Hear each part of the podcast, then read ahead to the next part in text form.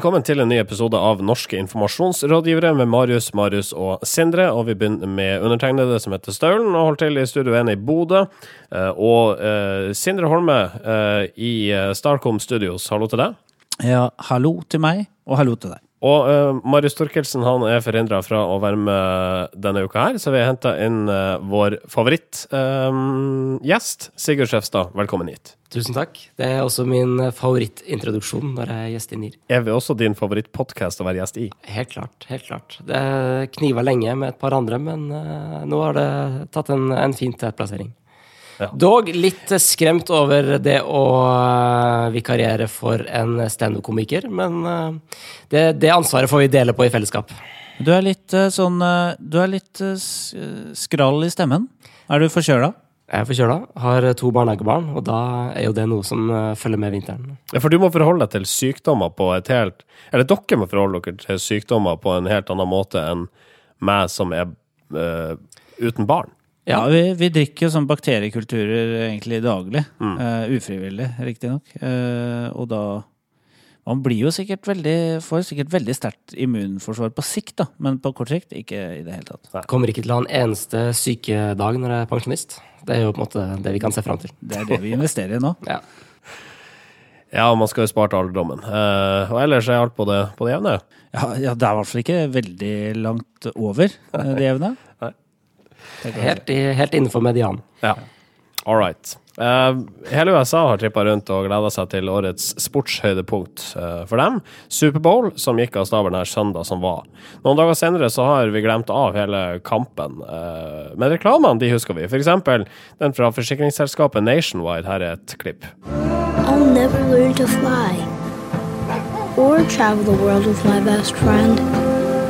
And I won't ever get married.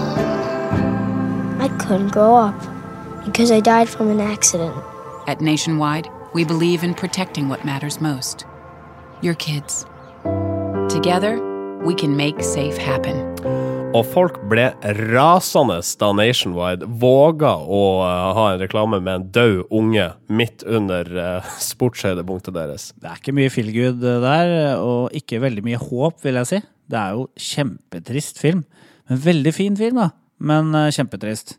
Én ting er jo det å sende inn det døde barnet i pausen av Superbowl, som jo alle er en sånn underholdningsbegivenhet. Litt sånn forventningsbrudd, kanskje. Men det andre er jo Hadde dette vært en sak som handla om sykdom, gi din donasjon osv., så, videre, så hadde det kanskje hatt en lavere terskel for å akseptere det.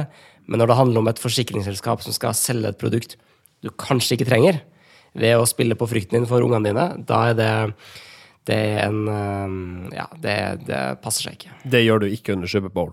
Det er min personlige mening at du ikke gjør det verken under Superbowl eller noe annet. Jeg mener det er kynisk, for det, det, er jo, det er jo De underbygger jo dette med tall, som viser at vel, de fleste ulykker med barn skjer i hjemmet. Og at man kan eh, forebygge det. Ja, Er det det forsikringsselskapet vil? Forebygge det? Eller vil de bare forsikre ungen? I tilfelle han dør. Nei, men de vil at folk forsikrer seg. Men de vil jo ikke utbetale premie. sånn at de vil jo at folk skal eh, være forsiktige. Ja. Det er egentlig det samme med barneforsikring i Norge, som prøver å, skape et behov der vi egentlig ikke har et. Og det, det kan man jo mene noe om også utenfor rammen av den uh, favorittpodkasten her, da. Men å skape behov eh, som ikke er der, det er vel det markedsføring handler om, ikke? Ja, det er egentlig det jeg gjør mellom uh, ni og fem hver eneste dag. Så litt, uh, litt dobbeltmoral. ikke sant? Det er jo det vi driver med i NIR også. Eh, Altså, vi, vi, vi stjeler en halvtime av folks tid hver uke. Som de egentlig kunne brukt på noe mer fornuftig. Ja, og enda litt mer av gjesteprogramlederen. Det er sant, begge de tingene der. Nå starter vi veldig mørkt for deg. Vi må eh, snakke om en annen ting som har prega nyhetsbildet denne uka. Skolevesker. For elevene på Sandefjord videregående må legge fra seg veskene sine utafor døra når de skal inn på menybutikken der nede. Eh, De, eh, de blir plaga i butikken med tyverier. Men mange av jentene er ikke særlig lysten på å forlate veskene når de skal shoppe, for veskene koster flere tusen kroner. Og akkurat der, idet noen eh, sa det til journalisten, så skjønte journalisten det er det her som er saken. Dette er saken. Det underlige er jo Først så jeg denne saken på nett, så trodde jeg på en måte at det var en, eh, en slags spøk. Eh, fordi her har jo noen, noen bomma på vinklinga totalt, og så dukka den jaggu opp i eh, Norge i dag. Det her er påhenget til nyhetene på NRK klokka 21. Som jo kan være en underlig potpurri. Men eh, det interessante er jo, er jo, rett og slett det at man altså, akkurat som man var en slags lidende part, da, fordi man måtte legge fra seg den 9000 kroners veska utafor. Som om det er på en måte et, et, uh, en menneskerett det å liksom gå inn og kjøpe seg boller lite god historiefri og må ha med seg veska inn. Du kan jo få noen til å passe på den, legge den et annet sted, eller kanskje ha med deg lunsj hjemmefra. Fordi uh, altså, Også i min tid på ungdomsskolen, som vel begynner å bli en 15-20 år siden, så var man jo plaga av tyveriet og ville ha sekken utenfor. Uh, så på det med, med, verden er jo det samme, men væskeprisen har jo definitivt gått opp mer enn konsumprisindeksen. og saken har altså skapt en uh, debatt både her og både der rundt uh, luksusvarer til barn. Ja, det er jo ganske overraskende uh, at så unge folk som ikke har egen jobb, kan kjøpe en veske til 9000 kroner. det er jo et eller annet sånn rart med Norge, når det er vanlig, vil jeg si. er det vanlig? Nei, det er jo ikke vanlig, men det er jo tydeligvis i visse miljøer så er det vanlig. Så, så, for min del så tror jeg det er liksom sunt nå, hvis oljeprisen går ned i null, eh, og at vi virkelig får kjenne på eh, hvor Ja, og liksom gnage på hverandres knoker eh, noen år. Det er det vi trenger nå, tror jeg. Det er klart, det her er jo Burberry og Mark Jacobs innsmørt i hvalspekk. Altså, det her er jo gammel, gammel hvalfangstrikdom i Sandefjord. Som bare har hopa seg opp innen siden Anders Jahre sto på toppen av sitt slott på Midtåsen og bare vinka hvalskipene inn, og så her kommer det millioner på millioner. Disse pengene har jo egentlig, altså Skatteetaten har jo aldri funnet de. Nettopp. Nå ligger de utafor Meny i Sandefjord. det er bare å gå og plukke det de. Det er bare å gå og plukke de. Ja, ikke sant? Det er Anders Jahre sin formue som er da spredt utover i masse ungdomsvesker. Ja. Ikke sant? Så det er, det er, brukt opp på det, rett og slett. Ja. Interessant. Og det er jo noe å grave i for journalistene. ja, der, der, har du en sak. Ja, der, der, der er saken. Mm. Uh, og så til slutt, vi har fått en mail fra Daniel Milford uh, Flathagen, uh, som har lagt ved en link til en stillingsannonse på finn.no i mailen han sendte til nearcast.jahu.com. Hva skal den nyansatte drive med, mon tru, spør Daniel. Kan dere svare, er da spørsmålet til NIR. For at, denne annonsen er da en ifra eh, Domstoladministrasjonen, som er på jakt etter en seniorrådgiver innen kompetanse og kvalitetsutvikling. Eh, hovedoppgavene til eh, denne ansatte, som da Altså, stillingen heter jo i seg selv har jo et interessant navn, for det er en kompetanse- og kvalitetsutvikling. Det er navnet på stillingen. Også hovedoppgavene er å arbeide i team. Ja, det gjør man jo mange steder for å initiere og utvikle kompetanse- og kvalitetstiltak i tråd med behov og ønska læringsutbytte.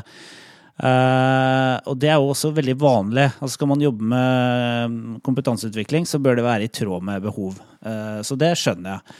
Uh, og så skal du bidra i gjennomføring av og evaluering av tiltak. Og det er også kjempeviktig hvis man først setter i gang tiltak.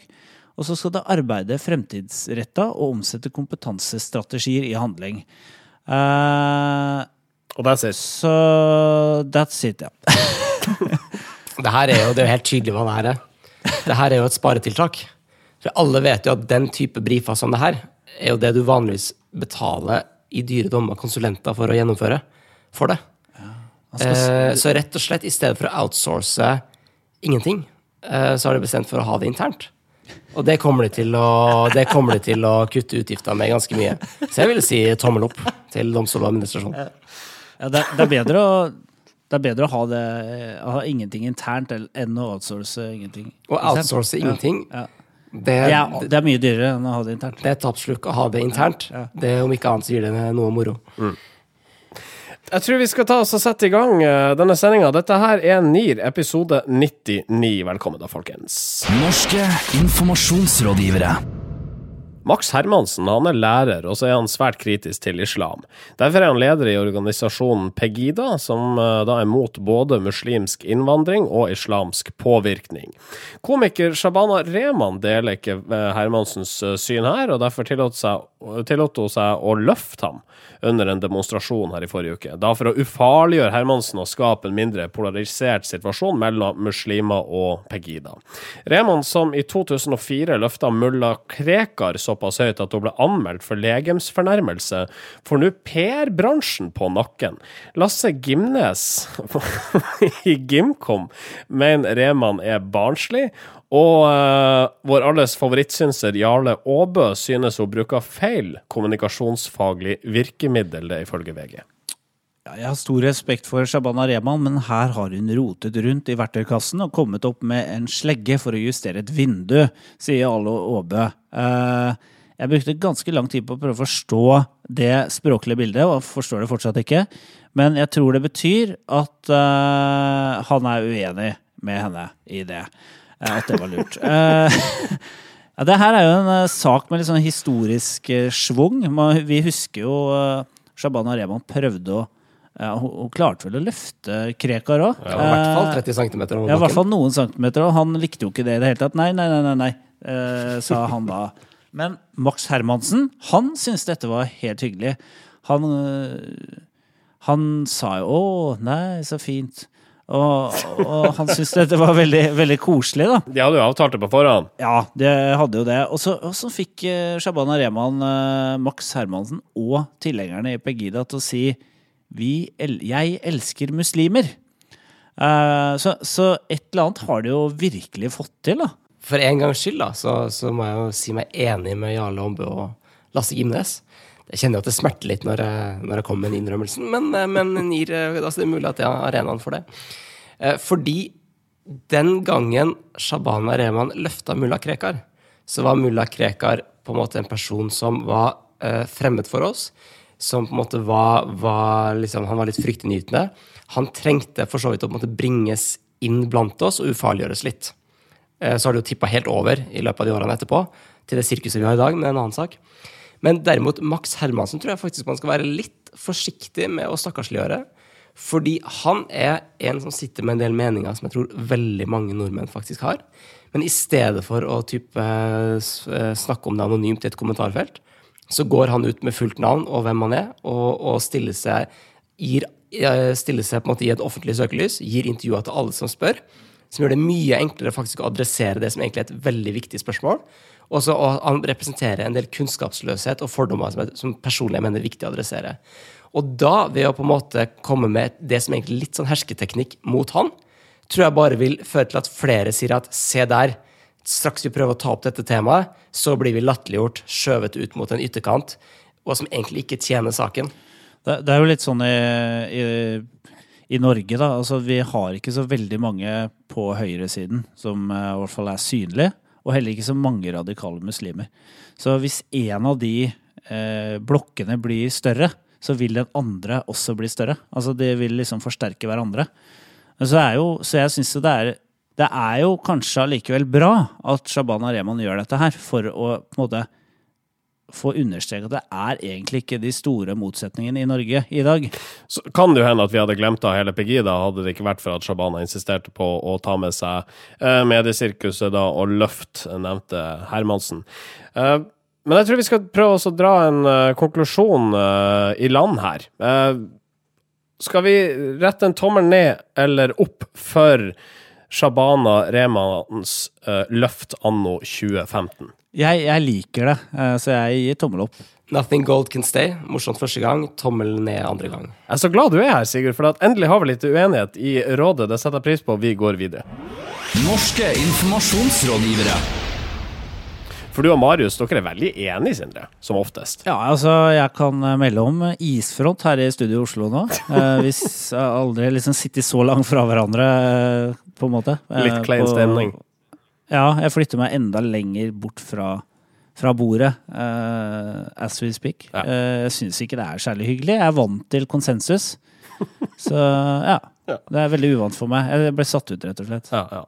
All right. Vi får se hvordan det går eh, videre i uh, sendinga. Vi skal bl.a. snakke om eh, Anders Anundsen senere. Men nå, gullfisken gikk av stabelen forrige helg, og mer enn 500 000 nordmenn fikk angivelig med seg TV-sendinga. Reklame det kan altså være underholdende greier. Try gikk av med seieren med sin Lofoten-reklame Hold i torsken. La oss høre et lite klipp. Har vi mer fisk? Mm. Jeg tror vi må ha mer. Å, Hold i torsken. Hvordan går det? Ja, fisk er bra. Derfor er det ekstra mye fisk og bare naturlige råvarer i fiskekakene fra Lofoten. Det er kanskje litt vanskelig med TV-reklame i podkast-format, men torsk presenteres altså her som en slags løsning på alle problemer. Det er bare å holde i en torsk, så går ting over. Det er kvakksalveri, vil jeg si.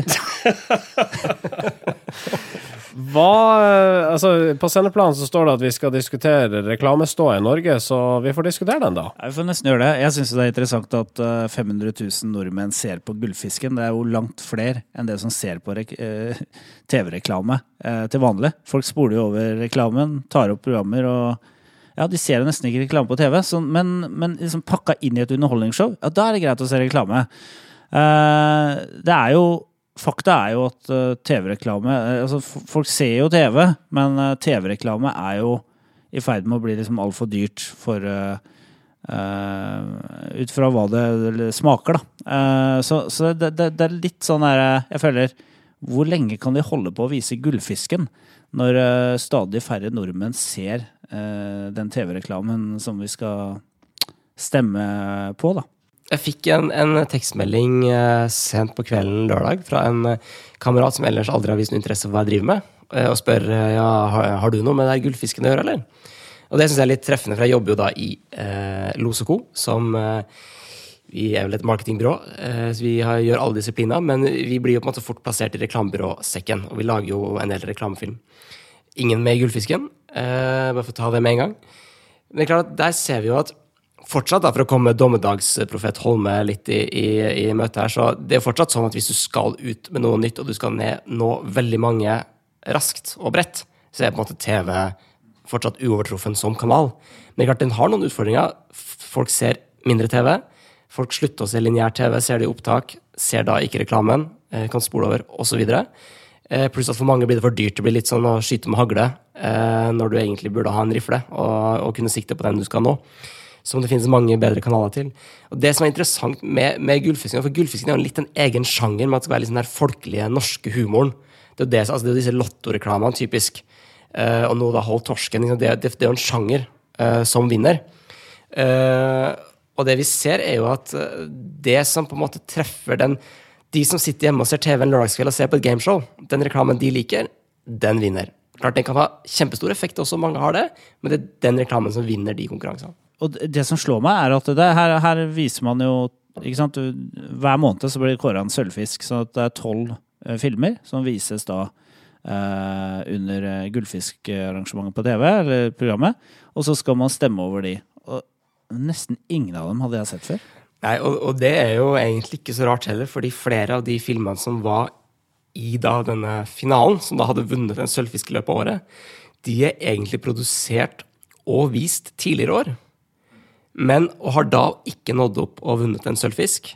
Og så har det jo på en måte blitt skal det liksom spart en stund, og så kjørt på igjen på TV og vist. Eh, Og da er det på en måte ingenting som diskvalifiserer dem fra å bli vurdert på nytt. Og da har de nådd opp i år. Og det kan jo tyde på at nivået kanskje har vært høyere det året de opprinnelig ble vist og ikke nådde opp. Og det er også et spørsmål hvis gamle filmer på en måte kan bli resirkulert og så vinne på nytt. eh, Da kan man også spørre om hva, hva betyr det for prestisjen og anseelsen til kåringa. Jeg trodde ikke det var mulig. Jeg trodde ikke det var lov, egentlig. At du kunne vise en gammel film. Det er kriteriet. Den film, altså de filmene som har gått på TV da, i den måneden, de kan da bedømmes. Hvis du lager en kjempegod reklamefilm, men du når ikke opp i gullfisken, så kan du bare kjøre den litt på TV året etter, og året etter der igjen for så vidt også, Ja, hvis- for å se om du, du- vinner i, i, i svakere konkurranse. Hvis du ikke har blitt plukka opp som sølvfisk, så kan, du, så kan du bli vurdert igjen. Og da kan du også spekulere i f.eks. Det er jo en del perioder på året hvor det er flere som kommer ut. Altså hvor man vet at det er mye TV-seing, mye nylanseringer knyttet til butikkvindu osv. Da kan man jo spekulere på å kjøre på sin film i en I antatt juli, svakere måned, da. Ja. Eh, og så regne med, å, regne med å vinne, da. Hvis det er et stort mål, da, hvis det er et mål i seg sjøl å vinne en gullfisk for reklamen, som i utgangspunktet ble laga for at virksomheten som annonserer skulle tjene mer penger. Ja, nå tror jeg ikke egentlig at noen er så på en måte utspekulert og så opptatt av den prisen at de holder på sånn. Altså, Det blir litt på en måte å sette på spissen. Men det er klart at som Det er viktig å huske på at dette er en av veldig mange kåringer. Eh, den har definitivt noe for seg, eh, men det er jo på en måte totaliteten av kåringa som på en måte sier noe om Altså, de trekker fram litt hver sine ting, da. Og det er viktig å huske på at dette er en dette på en måte er det folk som stemmer på. Da. Det var folk like når de ser det gameshowet lørdag kveld. Og Hold torsken er jo eh, all honnør for at de faktisk har valgt å, å holde på en torsk og vise fram en hel torsk og kysse på den, fordi i en litt sånn konservativ matreklamesjanger, hvor alt skal se så lekkert og appetittvekkende ut, og folk liksom livredd for at noe skal liksom skitne til den, det bildet, så er det ganske tøft gjort å bringe den torsken inn i det miljøet. Aldri sett på det på den måten, men det er derfor vi har en reklamekar i studio. Det var på tide at NIR ble litt mer opplyst og nyansert. Ja, ikke sant? Vi har jo ikke peiling i det hele tatt på reklame. Så, All- right, takk for all det. Temaet her var altså status i norsk reklamebransje. Hvordan står det til? Tommel opp eller tommel ned? Oi, det er, det er vel kjempefarlig å si tommel ned. Men jeg syns jeg, syns, jeg vil gi tommel ned, da, for jeg syns ikke det var uh, kule nok uh, reklamer. TV-reklamer. Jeg må si tommel opp. Norske informasjonsrådgivere. Uh, jeg jeg syns du legger litt bånd på deg, Sigurd. Eh, Før vi var på lufta, så liksom slang du dritt om Try og alle de byråene. Har ikke hørt maken. Uh, Men nå, nå er liksom Nå er alt bra. Ja, sånn er det. Når rødlyset kommer på, da modererer folk seg. Jeg er til og med enig med Jarl og, og Lasse Gunnes på lufta. Det sier, det sier jo litt. Ja, ikke sant? All right, vi får se hvordan det går uh, nå, for dette her er, er vel mer eller mindre ditt segment, eh, Sigurd Skjefstad, som alt, altså er gjest i Marius Torkelsens fravær. Justisminister Anders Anundsen han ble for alvor kjent for det norske folk eh, som leder av kontrollkomiteen. Denne uka så satt han på andre sida av bordet da han ble grilla om regjeringas asylpolitikk. Han har angivelig fortalt Stortinget noe annet enn hva som er tilfellet om norsk asylpraksis. Eh, og det er visstnok ikke det eneste som har skaffa Anundsen trøbbel i det siste. Og I sendeplanen så ble det lova en oppsummering fra deg, Sigurd, av det som har skjedd, og kanskje til og med noen eh, råd til justisministeren om hva han skal gjøre for å rydde opp. Anders Anundsen eh, som justisminister følger egentlig bare et, eh, et, en praktisk arbeidsfordeling som tidligere ministre med ansvar for asylfeltet før han har gjort. Sånn at det er ikke noe nytt. Anders Anundsen har valgt å holde fullstendig kjeft hva gjelder mulla Krekar og tvangsflyttinga til Kyrksæterøra, under dekke av at det er en enkeltvedtak som politiet har gjort. Og så har han valgt å holde fullstendig kjeft i, når det gjelder utsending av asylbarn. Eh, under da påskudd av at han først skal forklare seg for kontroll- og konstitusjonskomiteen. Anders Amundsen ble jo i sin tid av sin partikollega Per Sandberg omtalt som en biljardkule. Fordi han var så rund og glatt og på en måte kom seg unna alt, men umulig å få tak på, og ingen, ingen ordentlige meninger. da. I motsetning til, eh, vil man jo tro, Sandberg selv. da. Eh, Men det er klart at Anundsen, eh, hans forgjenger, Knut Storberget, hadde en statssekretær som het Pål Lønseth. Pål Lønseth fronta alle negative innvandringssaker, mens Knut Storberget klippa snora når noe nytt skulle åpnes, og, og ut og lære seg å stå på skidagen, som ga gode bilder. Før det så lå det i Arbeidsdepartementet, det var jo minister Dag Terje Andersen, tok disse gladsakene. Libe Ribermoen, litt sånn jernkvinnen som var fronta alle negative. Mens nå da Gøran Kalmyr, som da er statssekretær i Justisdepartementet, som har fått den oppgaven. Det er klart, Problemet til Anders Anundsen er at det hjelper ikke lenger å holde kjeft. Og En rent sånn kommunikasjonsutfordring for han er at før så har man kunnet distansere seg fra det her ved å rett og slett skyve en statssekretær foran seg. For Anders Anundsen så har rett og slett nå er tida i ferd med å gå ut. Statssekretæren har ikke gode nok svar, og antageligvis kommer teppet til å bli dratt ned for begge to innen en ukes tid. Hva betyr det? Det betyr antageligvis at han har blitt en for stor belastning, både for Fremskrittspartiet og for Erna Solberg og regjeringa, og da må han søke avskjed.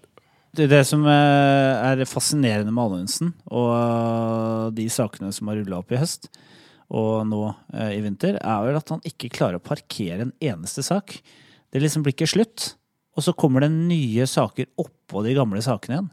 Altså Når han skal forsvare seg i kontroll- og konstitusjonskomiteen, så må de jobbe overtid eh, i flere døgn, sånn jeg kan forstå. Det må jo være mye å svare på. Jeg jobba på asylfeltet og vet at den instruksen som, som ble gitt, som Politidirektoratet fatta vedtak for Krekar på, det er en instruks som er gitt for å ta mulla Krekar.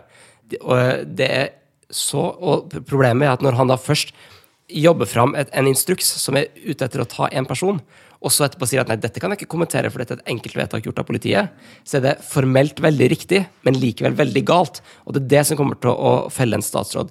Fordi statsråder før har også måttet gå på uten å ha gjort formelle feil. Men hvis likevel det de gjør, er galt i allmennoppfatninga, og det også blir en belastning for regjeringa, da hjelper det ikke hva du sier, og det hjelper heller ikke hva du ikke sier. Som i dette tilfellet. Han har jo ikke sagt noe som helst. Så uh, når vi skal publisere denne podkasten, så kan vi tabloidisere uh, teasen med et sitat på deg, Sigurd, som Anundsen på, er på vei ut av regjeringen, eller et eller annet sånt. Når NIR kommer ut fredag formiddag, så er han eh, og forklarer seg for kontroll- og konstitusjonskomiteen. Det blir første gangen på veldig lenge at han faktisk sier noe, at han ikke lenger er uten munn og mæle. Problemet for Anundsen er at han også nå er uten munn og ettermæle. Ukas kudos. Kudosen går til 16 år gamle Nicholas Rubin. Hvorfor det? Nicholas Rubin er en, eh, et 16 år gammelt geni, vil jeg tro. Han er selvlært eh, dataprogrammerer. Eh, og han har lagd en plug-in som gjør at når det kommer opp navnet til et kongressmedlem i en eh, tekst på internett, så kommer det samtidig opp eh, masse informasjon om hvor det eh, kongressmedlemmet får sin finansiering fra. Altså hvem han er støtta av, da. For sånn er det jo i USA, at folk som stiller til valg, de får jo masse funding av private selskaper og personer for å kunne stille til valg, for å kunne drive valgkamp.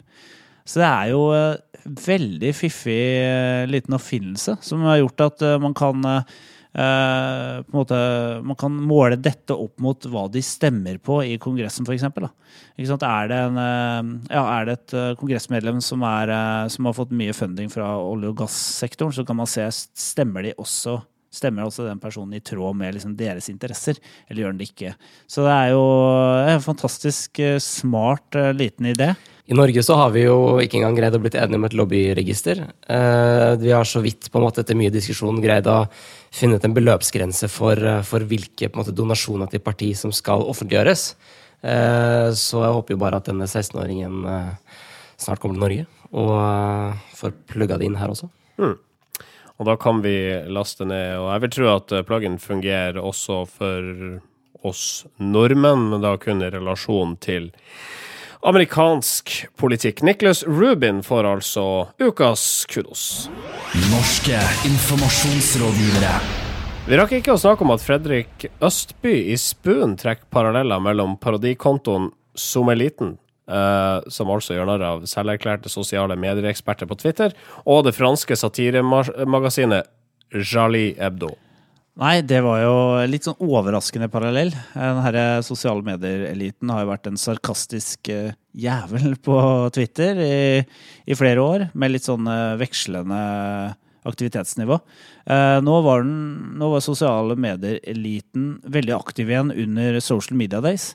Og han gyver og løs på alle disse her svulstige sosiale medier-ekspertene vi har rundt omkring i Oslo, primært.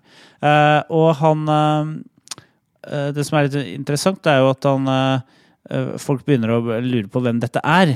Og det er mange nå som, som prøver liksom å prøve å oute denne personen. Da.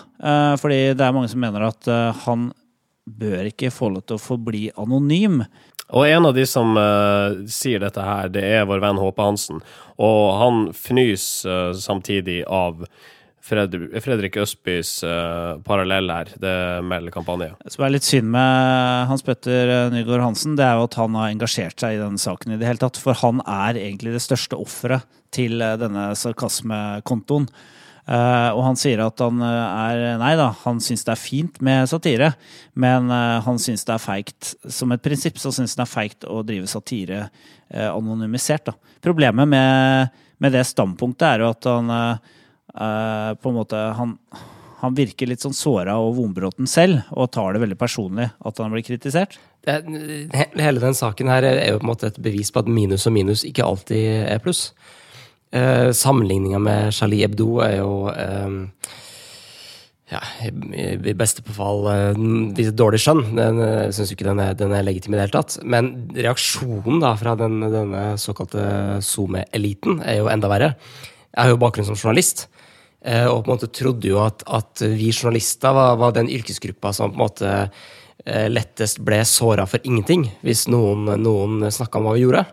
Altså vi, vi som hadde som oppgave å kritisere alt og alle, vi, vi har jo ikke tålt om noen har på en måte pirka så vidt borti oss i det hele tatt. Eh, et utrolig paradoks.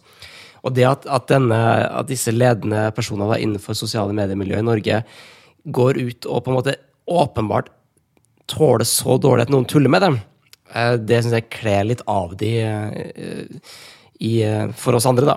Eh, Så jeg er veldig overraska over at de på en måte Men sånn har det gått. Altså, man sier jo at bloggere blir journalister, og det er tydelig at også sosiale medieeksperter blir like hårsåre som journalister. Det er vel den veien utviklinga går. Ja. I saken til kampanje så leser jeg også om nettstedet tate.no. Tate.no, altså, som er laga av webutvikler Trym Stene. Der rangeres en del SoMe-hoder ut fra tweetsene de publiserer. Altså Når du går inn på sida, så får du ti stemmer som du kan dele ut til mennesker på denne lista som Tate.no presenterer. Eh, du får altså ti stemmer hver dag, og, og så lages det da en liste over de teiteste folkene på Twitter. Øverst ligger selvfølgelig nevnte Hans Petter Nygaard Hansen med 202 poeng akkurat nå. Eh, på en 22.-plass Sindre Holme. Og på en 20.-plass Marius ass. Oi, oi, oi! Ja, fy fader. Uh, det er så frekt. Jeg, jeg blir så forbanna når jeg hører det. Uh, forferdelig irriterende. Uh, men det som er litt synd, det er at faktisk han er ikke anonym, så jeg kan egentlig ikke si noe på det. Nei. Altså, Nå må du si at det er en ære å bli ja, det, er- det er en ære. Uh, at, eh, kjære Trym, og dere som har stemt på meg. det er en stor ære. Um, du hører oss på uh, iTunes, facebook.com slash nirkast. Der kan du snakke til oss, eller dele eh, hyggelige og mindre, mindre hyggelige ting. Du kan sende oss en e-post, nearcast.jahu.com, og klikk deg også inn på kreativtforum.no. Takk til dere. Eh, da sier vi eh, hjertelig takk til deg, Sigurd. Eh, hyggelig å ha deg her, og vi håper å høre fra deg igjen. Som alltid en eh, stor glede. Hold i torsken. Hold torsken. Hold torsken. Vi snakkes igjen om ei uke. Da er det episode 100. Vi høres. Ha det. Ha det. Norske informasjonsrådgivere.